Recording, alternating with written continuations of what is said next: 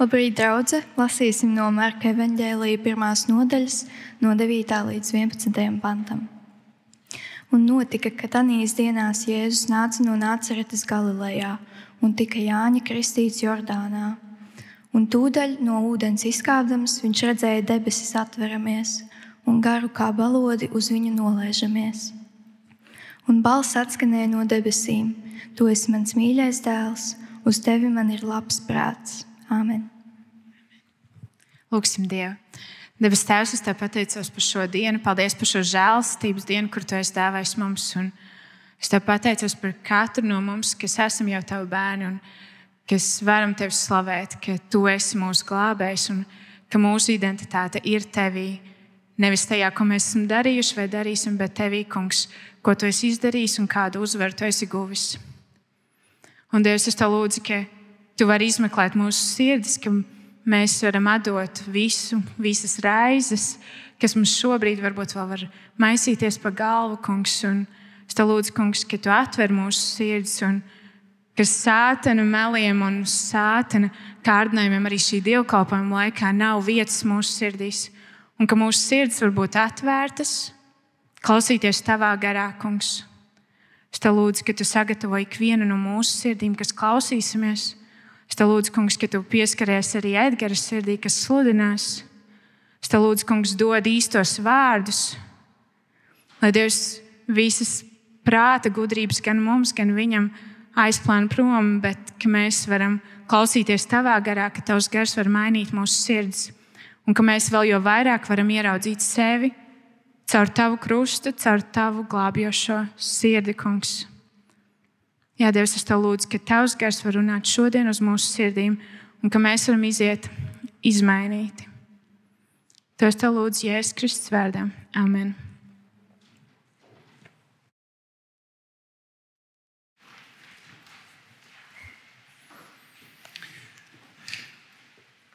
Paldies par lūgšanu un eh, prieks kopā būt eh, tos, kurus neesmu šogad saticis. Laimīgu un svētīgu jauno gadu! Ir iesācies jauns gads, iespējams, ka ir kādas apņemšanās, domas vai ieceres, iespējams, varbūt kādas raizes, par kurām mēs domājam, kā viņas atrisināt. Bet, jebkurā gadījumā, jauns gads ir iesācies, un man ir ļoti liels prieks par to, ka mēs arī šo gadu iesākam ar Marka evaņģēlijas studiju. Un tie no jums, kas esat klātienē vai attālināti, kas savulaik kopā ir arī esat studējuši Matejā, Marka evanģēlīja, iespējams, tas jums būs tāds labs atsvaidzinājums, atkal pievērsties Marka evanģēlijam. Bet eh, es domāju, ka vairums eh, šī būs tāda pirmā reize, kad mēs kopā kā draugi studēsim, un lai Dievs svētī eh, bagātīgi to. Īsumā par Marka evanģēliju viens no trījiem tā saucamajiem sinoptiskajiem evanģēlijiem, jeb līdzīgiem evanģēlijiem. Es atceros, ka man bija nu, nezinu, es gāju pamatskolā, laikam es dabūju to zilo jauno derību un, no Gideoniem, un es sāku lasīt, sāku ar Mateju, izlasu, turpinās ar Marku. Es domāju, pagaidi, es tikko to lasīju. Un pēc tam izlasu Marku, un tad ir Lūks evanģēlijas. Es saku, es tikko to lasīju. Kāpēc Bībelē atkārtojas laika? Un tur tā lieta, ka trīs evanģēlīji, Matejs, Marka un Lūkas, ir tie saucamie līdzīgie evanģēlīji. Marks ir visīsākais. Tā Um, nu, Baznīcas tradīcijas saka, ka Marka evanģēlija ir um, sarakstījis Marks, apakstuļu Pētera skolnieks. Um, evanģēlijas ir īpaši vēstījums pagānu kristiešiem. Uh, tekstā ir daudz jūdu tradīciju un geogrāfisko vietu skaidrojumu. Un, uh, daudzi pētnieki, lielākā daļa, uzskata, ka Marka evanģēlijas ir bijis senākais, vecākais, un uh, tāpēc arī tā līdzība ir arī Mateja un Lūkas evanģēlijos, un mazliet arī Jāņa evanģēlijā. Vairāk nekā citos evanģēlijos, Marka evanģēlijā tiek likts uzsvers uz Jēzus darbību, mazāk uz mācību. Un personiski skatoties Marka evanģēliju, man šķiet, ka tie, tie vārdi, kas raksturo īpašo Markā, ir eh, atrodami otrajā nodaļā, desmitajā pantā. Tur kādā situācijā Jēzus saka šos vārdus: Bet lai jūs zinātu, ka cilvēka dēlam ir vara virs zemes grēkus piedot. Jēzus ir simtprocentīgi cilvēks un simtprocentīgi dievs, un viņš pasaka ļoti neparastu apgalvojumu. ka viņam ir vara piedot grēkus. Un tāpēc arī mēs runājam par Jēzus spēku. Šo laiku līdz lieldienām pavadīsim arī ar tādu Jēzus spēka um, perspektīvu. Katru svētdienu ielūkojieties Bībelē, pēc tam arī jūs individuāli savā mājās vai darbvietās skatoties šo materiālu un meklēt un ieraudzīt, kā Dievs caur savu vārdu atklāja, kāds ir Jēzus spēks. Bet šodien, šodien par kas es esmu. Ir daudz dzirdēts, ir daudz redzēts šajā pasaulē. Un eh, viena no lietām, kas cilvēku šeit raksturo, ka mēs apstājamies un uzdodam šo jautājumu, kas es esmu. No vienas puses, tāds varbūt ļoti filozofisks jautājums, bet dažkārt tas ir mūsu sirdi plosošs jautājums. Kad paskatāmies rietumu kultūrā, tad pārsvarā šo jautājumu atbild no tā, ko tu dari. Un, proti, kāda ir tava nodarbošanās, pēc tā var pateikt arī, kas tu esi. Jā. Nu, piemēram, tā, tas nav sarunāts, bet, piemēram, Edgars, jā. Edgars darbojās jurisprudencē. Tā varētu teikt, nu, nu tu esi jurists. Nu, tad Edgars staigā šajā pasaulē un viņš saka, es esmu jurists. Un tas ir tas, kas viņu raksturo. Ja mēs paskatāmies uz austrumu kultūru, tur mazliet tas ir citādāk, un tur vairāk tiek nu, caur radrakstiem. Tātad tu pasaki, kas ir tavs vecāks, un es pateikšu, kas esi tu. Jā, piemēram, es redzu, baidu, ja baigā ir eisāna uzvārds, tad es uzreiz, ah, skaidrs. Pēters, sieva un tur viss tālāk, un tā tālāk. Un, un, un tu uzreiz iegūsi tādu perspektīvu, kas tā pa ģimeni ir. Tu uzreiz zini tos, tos kontekstus. Un eh, es pieļauju, ka katrs no mums vienā vai citā brīdī ir kaut ko līdzīgu izmantojis, lai veidotu savu identitāti vai citiem paskaidrotu, kas es esmu. 18 gadus man bija tā iespēja būt par eh, basketbola tiesnesi. Tiesāju spēles, kur bija mazi bērni, beidzot ar Latvijas profesionāļiem. Un viens no tradicionālajiem veidiem, kā man uzrunāja, bija ne jau cienītais Edgars vai Deksne vai kā, EU tiesnesis. Un viņas laika tiesnesis, tiesnes, kas ir tiesnesis. Tas bija kaut kā tāds, tā kā, nu, ja saka tiesnesis, tad zinu, ka iespējams viņi ar mani runā. Nu, tā.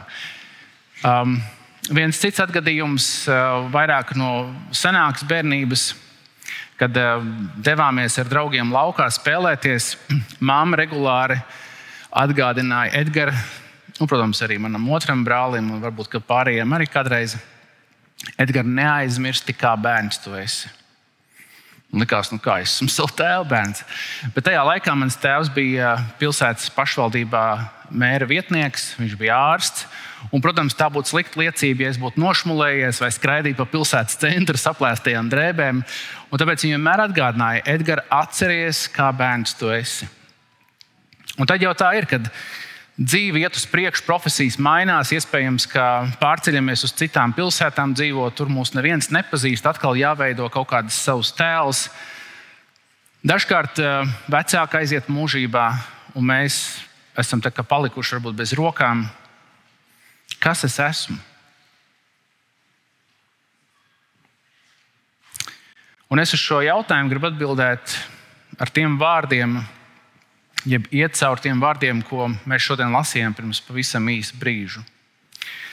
Bet Marka evanģēlijas ir iesācies, šis ir pats pats sākums. Jēzus, um, mēs Marka evanģēlijā ļoti daudz nelasām par Jēzus bērnību. Vispār Bībelē ir ļoti maz par Jēzus bērnību rakstīts. Bet Marka evanģēlijas praktiski uzreiz ķeras klāt tam Jēzus apmēram 30 gadus vecumam, kad viņš uzsāka tā saucamo savu īsto, jeb uh, galveno misiju, to kalpošanu kādēļ viņš bija nācis šajā pasaulē. Un tas pirmais notikums, kas teikšu, šeit tiek atzīmēts un kur mēs lasījām, ir Jēzus Kristības. Pirms eh, šīm kristībām Jānis, vismaz Jānis savā evanģēlijā mums tā māca. Viņš saka, es Jēzu nepazinu, bet lai viņš kļūtu zināms Izrēlam, tāpēc es nācu kristīdams ar ūdeni. Jānis bija viņa radinieks, viņam bija uzdevums vest Izraēlu atpakaļ pie Dieva. Viņš runāja par grēku nožēlu, viņš aicināja cilvēkus uz kristību. Un eh, viņš sacīja, ja pareizāk sakot, viņš eh, saņēma šo informāciju arī no Dieva. Jānis saka, es viņu nepazinu, bet tas, kas man sūtīs kristīt ar ūdeni, proti, Dievs, man sacīja, uz ko tu redzēsi garu nonākam kā balodi no debesīm un paliekam, tas ir viņš, kas kristīs ar svēto garu. Un es esmu redzējis un liecinājis, ka viņš ir Dieva dēls. Iedomājieties, Jānis nāca šajā pasaulē īsi pirms Kristus. Viņš visu savu praktiski kalpošanu pavadīja tūkstnesī. Cilvēki nāk pie viņa, viņš saka, atgriezieties no grēkiem, liecieties, kristīties. Un kaut kur tajā brīdī Dievs ar viņu runā un saka, tajā brīdī, kad tu redzēsi, ka par vienu cilvēku nāks svētais gars kā balodis, tu zini, tas ir mans dēls. Un iedomājieties to notikumu, viņš kristīja, un tur ir neskaitām cilvēku, un tad vienā dienā Jēzus nāk pie viņa un viņš viņu kristīja Jordānā. Un pēc tam viņš redz debesis atveramas. Es saprotu, ka mums varbūt tas nes, mēs nestādamies pat priekšā, ko nozīmē debesis atvērdamas. Bet tas, ko mēs šeit lasām, ka fiziski bija šī balss, tas ir mans mīļais dēls, uz ko man labs prāts.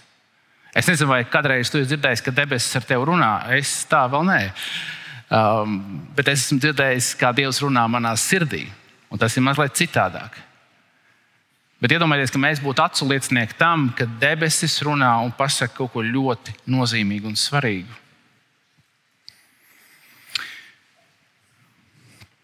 Un tad es tā izdomājos, eh, kam Dievs teica šos vārdus. Mēs varētu tagad tā iekšēji nobalsot. Bībelē mums māca, ka Jēzus bija pie tēva un svētā gara, kad pasaule tika radīta.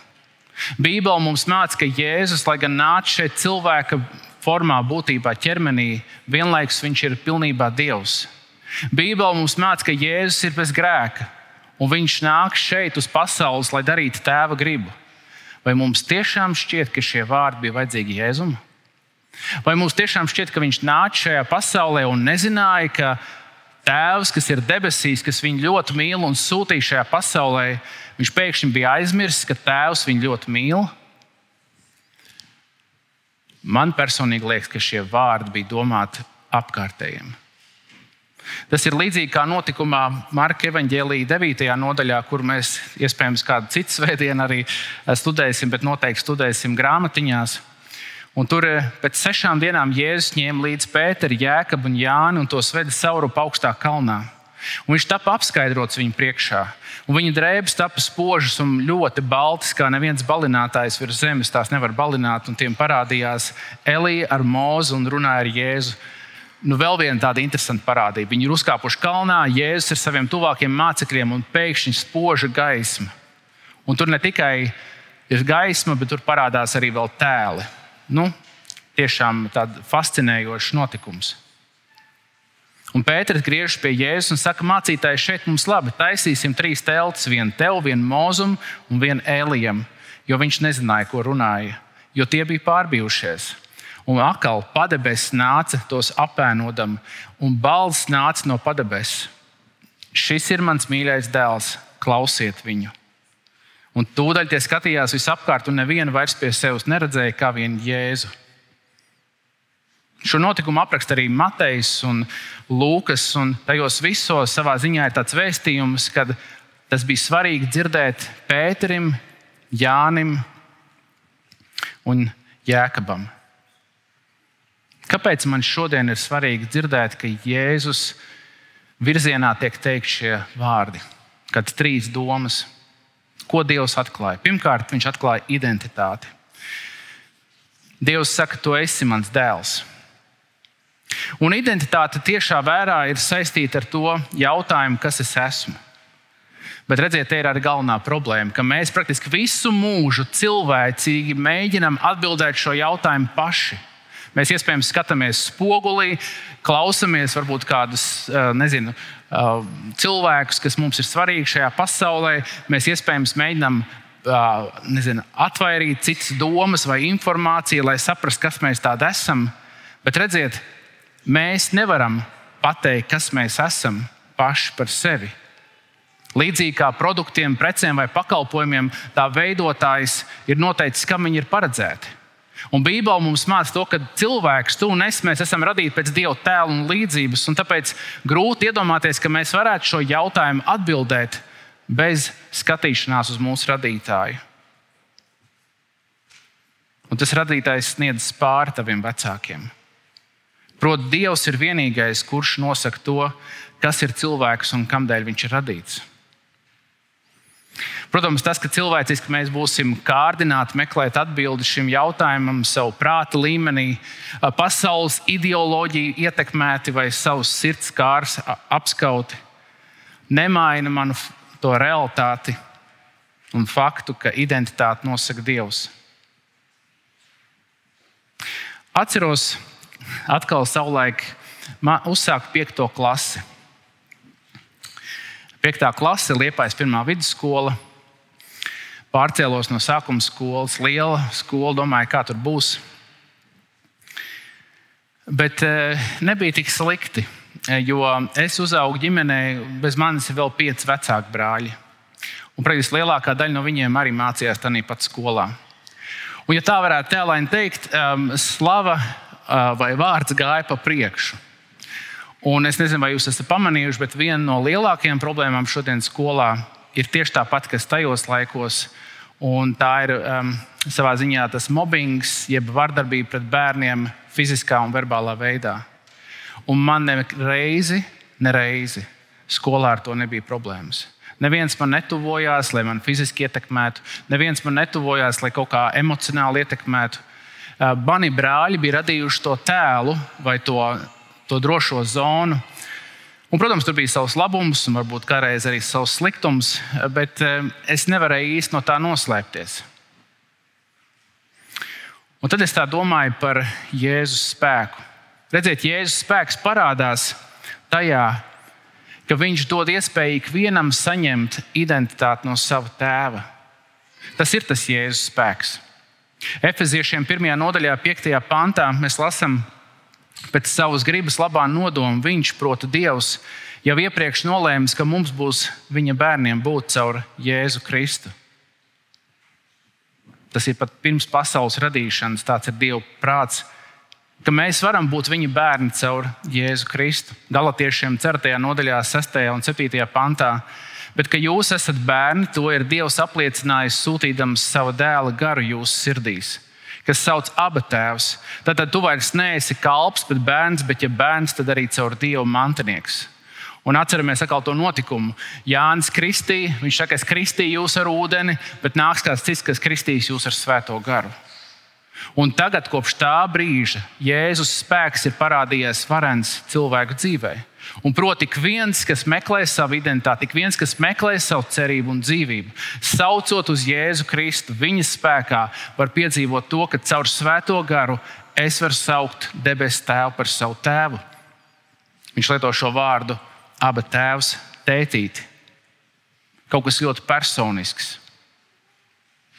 Jēzus spēks tajā parādās, ka caur viņu tiek atklāta mūsu patiesā identitāte. Tad tā ir tā viena lieta, ko es gribēju izcelt, ka Dievs atklāja to, ka, ka Viņš dod to identitāti, to es mans dēls.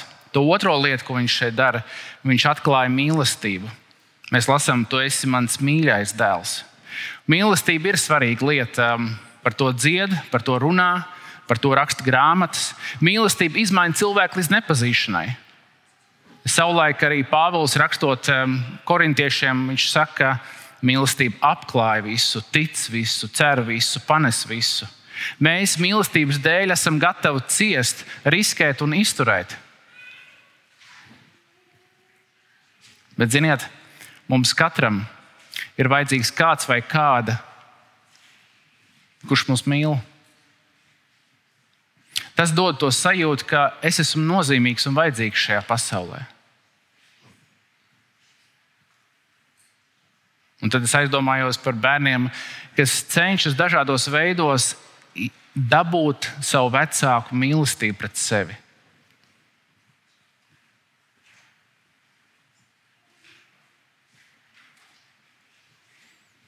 Un tas parādās arī pieaugušā vecumā. Ja tu šo mīlestību neesi saņēmis, tad, eh, tad savā ziņā tur var ieraudzīt to deficītu. Un, lai gan runā, ka mīlestība esot piecas valodas, es teiktu, ka tā pati par sevi ir izvēle. Tēvs, dēls un svētais gars, viņi katrs ir personas, bet viņus vieno tas, ka viņi ir joprojām viens dievs. Tēvs ne tikai atklāja šajā gadījumā, ka viņš Jēzu ļoti mīl, bet viņš arī atklāja to, ka viņš šo pasauli ļoti mīl. Pirmajā Jāņa vēstulē, 4. nodaļā, izlasīsim 9. un 10. pantu. Redzama kļuvusi ir Dieva mīlestība mūsu starpā, Dievam savu vienpiedzimušo dēlu sūtot pasaulē, lai mēs dzīvotu caur viņu. Šī ir tā mīlestība, nevis ka mēs esam mīlējuši Dievu, bet ka Viņš mūs mīlējis un sūtījis savu dēlu mūsu grēku izpirkšanai. Un, ziniet, tas ir pilnīgi vienalga, vai tu tam tici vai netici šodien, bet Dievs tevi ļoti mīl. Un Dievs apliecina savu mīlestību tajā, ka Viņš sūta savu dēlu Jēzu Kristu. Ne tikai vienkārši, lai parādītu, ka Viņš tevi mīl, bet vienlaikus arī Viņš sūta tavu un manu grēku izpirkšanai. Un tur parādās tas Jēzus spēks. Parādās tajā, ka šodien katram no mums ir iespēja piedzīvot šo Dieva mīlestību caur ticību uz Jēzu Kristu. Jēzus ir spēks, kurš maina cilvēku dzīvi un sirdi.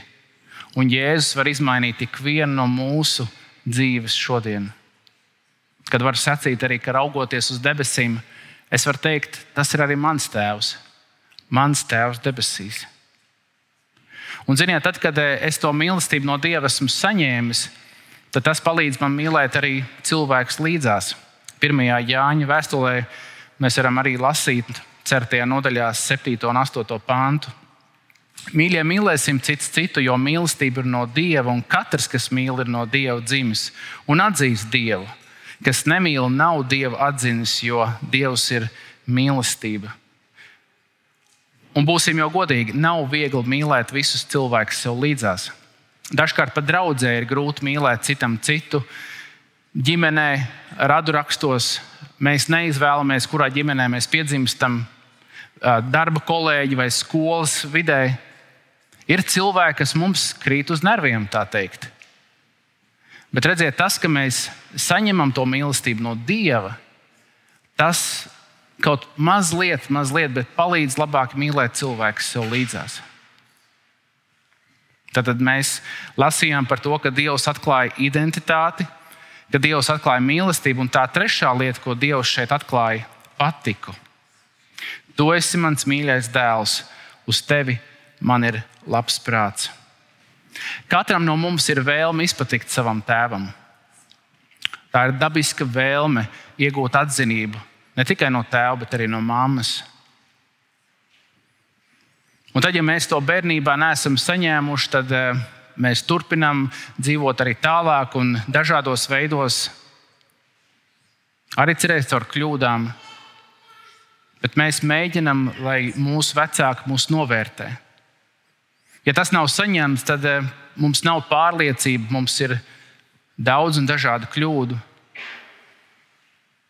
Mēs savā ziņā pēc tam dzīves laikā ļoti neveselīgi nokoncentrējamies uz atzinības izpelnīšanu no apkārtējiem dažādos veidos, un jūs to ļoti labi zinat. Kā. Es esmu sacījis iepriekš, un atkārtošos, ka manas dzīves viens no pagrieziena punktiem bija 2006. gadā. Kad eh, dienā, kad man bija jāsludina liepājas Pāvila draudzē, pie manis ienāca manā istabā mans tēvs, apsēdās uz gultu un teica šos vārdus. Tu zini, ka mēs ar māmu tā ļoti daudz tā nerunājam, bet es gribu, lai tu zini, ka es ar tevi ļoti lepojos, jeb ka mēs ar tevi ļoti lepojamies. Un man ar to pietika. Un man joprojām šodien ar to pietiek. Tas, ka man nozīmīgie cilvēki, mans mīļais tēvs un mamma, pateica, ka viņiem ir patika. Patika pret to, kāds es esmu un ko es daru. Un mums ir svarīgi, ka nozīmīgi cilvēki izrāda to patiku pret mums. Tas ceļ spārnos, tas iedrošina, tas arī dod spēku turpināt iet cauri šīm dzīves liekločiem. Bet mums katram ir jāsaprot, ka, ja cilvēkam nav pārliecības, ka Dievam ir patika uz mums, tad mēs visu atlikušo mūžu dzīsimies pēc, pēc kaut kādas patikas no sabiedrības. Patik tur, patik tur, Bet mums ir jānonāk tajā vietā un tajā punktā, ka mēs varam būt mierā ar to apziņu, ka Dievam mēs arī izraisam šo patiku. Misijas organizācijas prezidents un grāmatas Dieva tēvs, Dievs tēvs autors Deivs Patīs raksta par tādām četrām lietām, kā mēs varam tēvam izpatikt. Protams, iespējams, tās nav vienīgās, bet eh, šīs četras viņš uzskaita. Pirmā lieta - ticība. Ebrejiem 11.6 ir rakstīts, bet bez ticības nevar patikt. Jo tam, kas pie Dieva griežas, nākas ticēt, ka Viņš ir un ka Viņš tiem, kas viņu meklē, atmaksā. Un tāpēc, ja mēs šodien dzīvojam tādā ilūzijā, es vienkārši dzīvošu šo dzīvi, un vienalga es pats būšu sev noteicējis, tad es gribu teikt, tu nekad mūžā nevarēsi patikt Dievam. Pat tajā kontekstā, ka Dievs mīl visu radību, tu nevarēsi viņam patikt. Autors vēstulē ebrejiem atklāja, lai mēs patiktu Dievam, mums ir jātic, ka Viņš eksistē. Un Dievs ir parādījis sevi, atklājis sevi caur radību un arī caur savu dēlu Jēzu Kristu, caur kuru spēku mēs šodien varam nonākt pie tēva un iegūt šo ticību. Tā otrā lieta, ko viņš saka, kā var patikt tēvam, ir paklausība. 1. Samuēlam 15, 22. Un Samuēls sacīja, vai tad tam kungam ir lielāka patika par dedzināmiem un kaujamiem upuriem nekā par paklausību tā kunga valsī? Redzi, paklausība ir labāka nekā upuris. Un šis vārds paklausība nav ļoti moderns. Šajā laikā mēs ļoti maz runājam par paklausību, par bērnu paklausību vecākiem vai par uh, savstarpējo paklausību arī draudzēji. Tas liekas, kas es tāds esmu, vai kas tu tāds esi, ka es lai tev paklausītu. Un dažkārt var būt līdzīgi, ka mēs raugāmies uz to, ko dara Dievs tavā un manā dzīvē, un mēs negribam viņam paklausīt. Dievs ar to pašu svēto garu iespējams jau ir skaidri atklājis viņa prātu, un tu saki, nē, es negribu tam paklausīt. Iespējams, tu esi kādās attiecībās, tu zini, ka tās nav labas attiecības, ka tu esi grēkā, bet tu negribi paklausīt, jo tas nav izdevīgi. Iespējams, ka tu esi kādā firmā vai kādos biznesa projektos, kur ir ļoti izdevīgi katreiz neuzrādīt visu grāmatvedībā, bet tu zini, ka tā nav paklausība. Ne tu, ne es, mēs šādā kontekstā nevaram patikt Dievam. Dievs ļoti skaidri mūs aicina paklausīt. Tā trešā lieta, ko šis autors saka, kā mēs varam patikt Dievam, ir pakļaušanās, jeb padevība. 51. psalms, 19. pāns. Upuri, kas patīk dievam, ir satriekts gars, salauzt un sagrauzt sirdi, tu dievs nenoraidīs. Ka mēs dzīvojam ar to pārliecību, ka mēs neesam neko pelnījuši šajā pasaulē. Un dažkārt mums var būt piezogās vienā vai citā veidā tā augstprātība vai vēlme teikt, nu, pasties, kāds tas kristietis labs. Bet bez Kristus mēs neesam pilnīgi nekas. Jā, mēs esam Dieva radība, jā, mēs esam Dieva līdzībā Bet Kristus spēkā mūsu spēks varens parādās. Un Dievs ļoti meklē, un tas ir tas veids, kā mēs viņam varam patikt, ka mūsu gars ir salauzts, un mēs sakām, mēs bez Dieva nenieka nespējam šajā pasaulē. Un tad mēs esam jūtīgi pret to, ko Viņš dara caur to pašu svēto garu. Un tad ceturtais, ko šis autors norāda, kā mēs varam patikt Dievam, ir kalpošana. Otrā Timotejam Otrā nodaļa, trešais un ceturtais pāns. Ciet līdzi ar citiem ļaunu un būdams labs Kristus Jēzus kareivis. Neviens atrodamies karapulkā nepinas ar dzīves darīšanām, lai viņš varētu patikt karakungam. Un to jau mēs redzam. Arī pārstāvji no armijas man droši vien piekritīs, ka armijā ir disciplīna. Un tur, tur nevar būt nolaidības, tur ir jāievēro pavēles, tur ir jābūt zināmai kārtībai.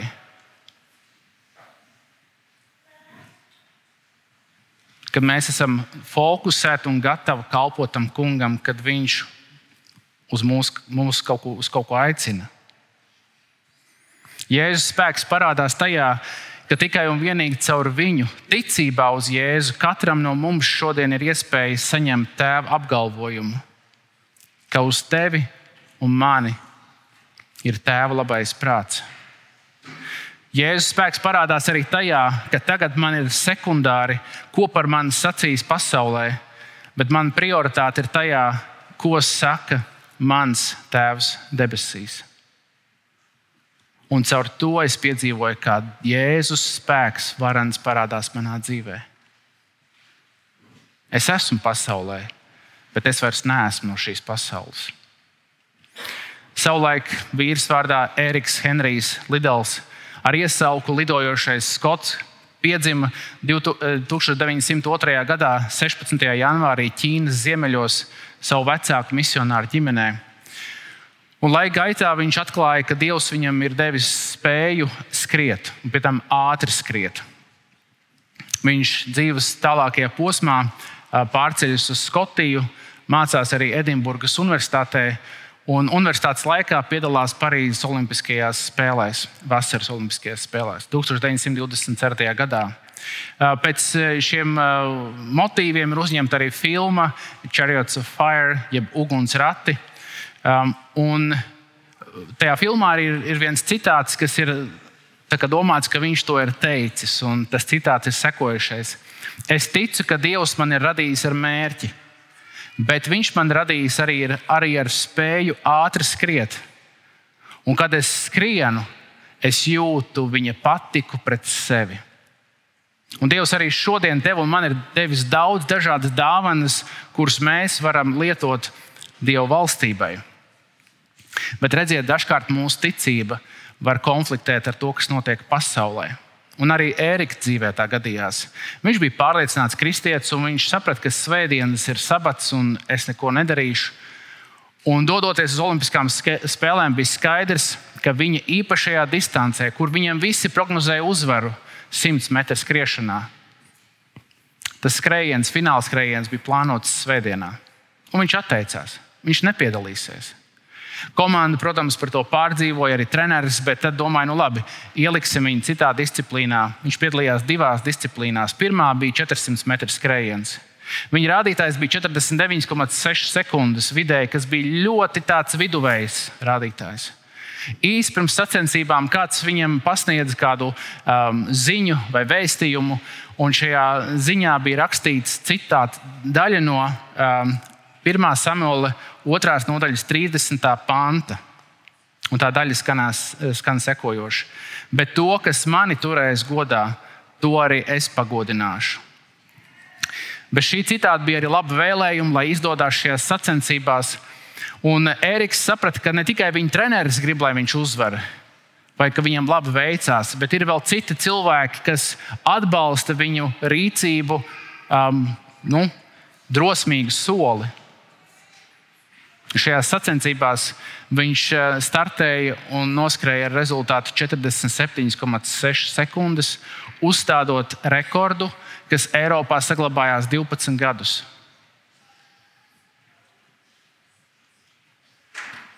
Pēc tam viņš piedalījās arī 200 metru skriešanā un tur saņēma bronzu. Gadu pēc Olimpiskām spēlēm viņš atgriezās Ķīnā, kur turpināja būt misionārs un viņš mira 45. gada 21. februārī koncentrācijas nometnē. Dažkārt Jēzus spēks mums ir vajadzīgs, lai pastāvētu uz to, ko Viņš mums ir atklājis.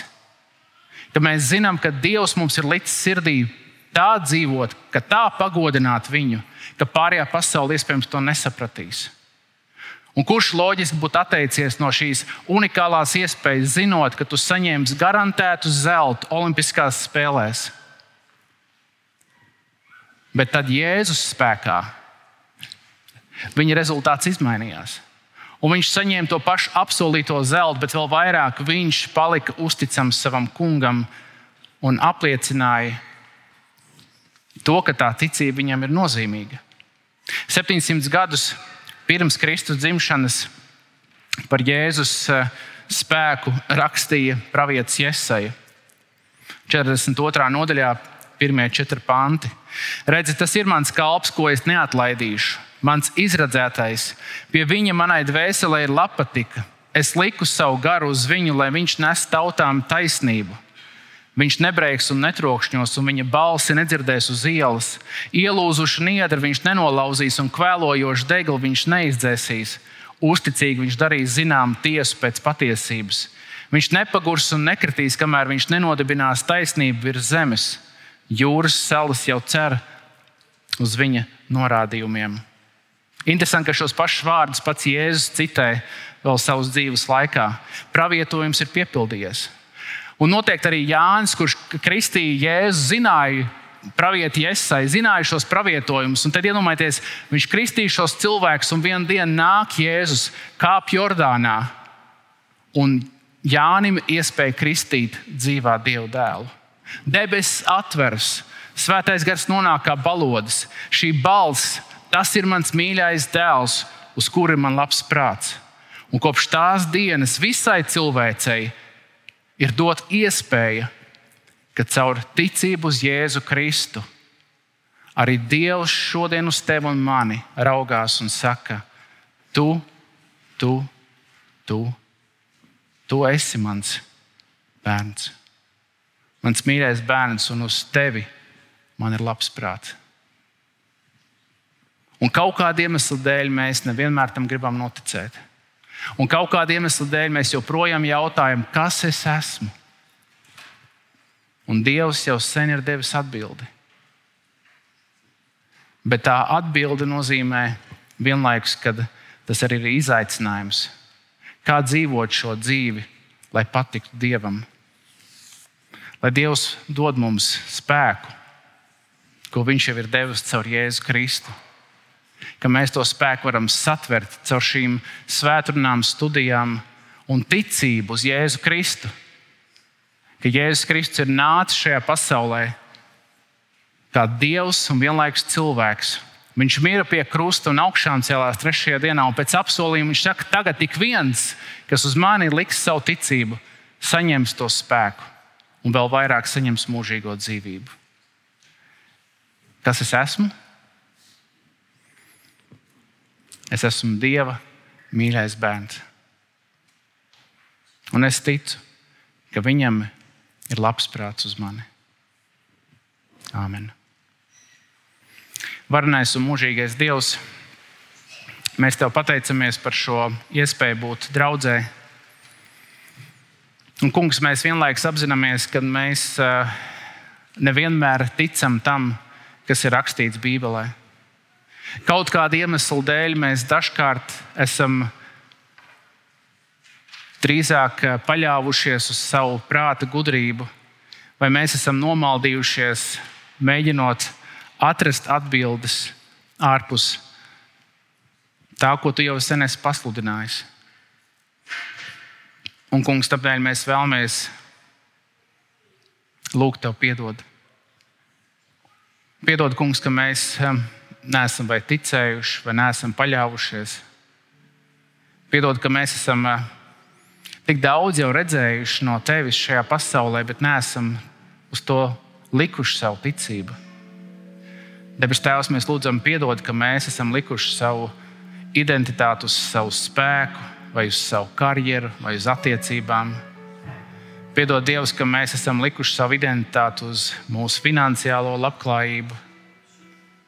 Debes Tēvs, mēs lūdzam arī kā draugs, piedod mums, šķīsti mūs, dari mūs atkal tīrus un tev patīkams. Ka mēs kā draugi varam turpinoši studēt Marka evaņģēliju, turpinoši dzīvot šo dzīvi un apliecināt, ka tu esi mūsu glābējs un ka tavā spēkā mūsu dzīvē, pat tad, kad ir nespēks,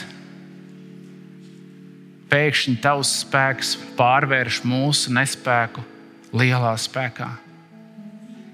Un tas nav no mūsu varēšanas vai darīšanas, bet tas ir no tava apsolījuma.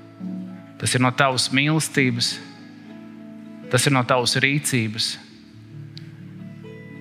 Varenais un mūžīgais Dievs, es šajā brīdī īpaši vēlos lūgt, un mēs kā draugi kopīgi lūdzam par ikvienu, kas vēl meklē šo cerību pie tevis.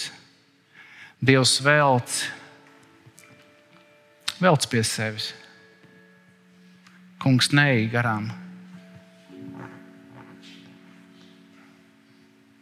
Tu redzi šo puisi, tu redzi šo meiteni, kungs. Tu redzi šo ģimeni. Debes Tēvs, mēs lūdzam, pieskaries. Svētais gars, mēs pilnībā esam pārliecināti, ka tu darbojies. Kungs dod drosmi šiem cilvēkiem atsaukties, kad tu aicini. dod drosmi un pārliecību, ka ir pieticis, ka vairs nevajag meklēt atbildi sevī, kas es esmu, bet ka ir laiks paskatīties uz tevi un uz to, ko tu esi darījis. Varnais un mūžīgais Dievs, mēs par to pateicamies. Pielūdzam tevi tikai un vienīgi Jēzus Kristus nopelnu dēļ.